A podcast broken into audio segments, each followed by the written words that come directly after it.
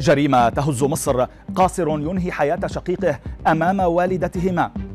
توقف الرحلات الجوية بمطار بريطاني بعد ذوبان المدرج.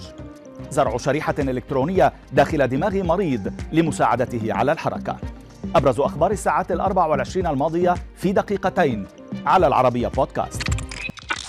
غضب واسع في مصر بسبب جريمة مروعة ارتكبها قاصر بعمر السبعة عشر عاما بقتله شقيقه الأكبر وأمام والدتهما في الجيزة بقتله شقيقه الأكبر بعد خلاف على ارتداء بنطال. تحقيقات النيابة أوضحت أن مشادة كلامية وقعت بين القاصر وشقيقه الأكبر عشرين سنة بسبب ارتداء الأول بنطال الأخير وهذا ما رفضه الشقيق الأكبر لرغبته هو الآخر في ارتدائه. مشيرة إلى أن الأمر تحول لشجار بينهما وسط تواجد والدتهما لفض الخلاف بينهما لكن دون جدوى ليستل الصبي سكينا ويسدد طعنة بصدر شقيقه ويرديه قتيلا ثم يفر هاربا قبل حضور قوات الشرطة التي قبضت عليه لاحقا. لا تزال حرائق الغابات تستعر في أوروبا وسط ارتفاع تاريخي في درجات الحرارة والتي أدت مؤخرا إلى ذوبان مدرج مطار قاعدة برايز نورتون العسكرية في بريطانيا. وسائل إعلام أوضحت أن سلاح الجو الملكي البريطاني اضطر إلى تحويل الحركة حركة المرور من القاعدة العسكرية إلى المطارات الأخرى بسبب مخاوف تتعلق بالسلامة.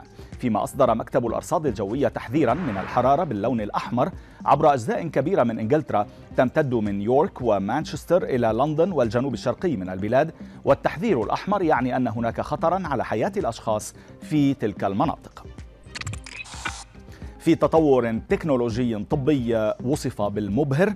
زرع جراحون في نيويورك شريحة إلكترونية بطول أربعة سنتيمترات ومصنوعة من أسلاك وأقطاب كهربائية زرعوها في داخل وعاء دموي بدماغ مريض مصاب بالتصلب الجانبي الضموري وكالة بلومبرغ أوضحت بأن الهدف من الزراعة هو مساعدة المريض الذي فقد القدرة على الحركة والتواصل بأن يكون قادرا على الولوج إلى الإنترنت والاتصال بمن حوله عبر البريد الإلكتروني ورسائل البسيطة عن طريق التفكير.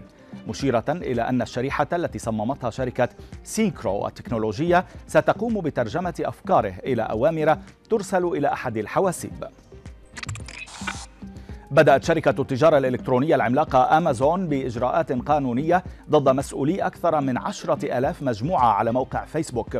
شبكة بي بي سي البريطانية نقلت عن الشركة قولها إن هذه المجموعات تجري تقييمات مزيفة على أسواق أمازون في الولايات المتحدة والمملكة المتحدة وألمانيا وفرنسا وإيطاليا وإسبانيا واليابان مشيرة إلى أن المجموعات تقدم المال أو البضائع المجانية مقابل التقييمات التي تنشر عن منتجات أمازون.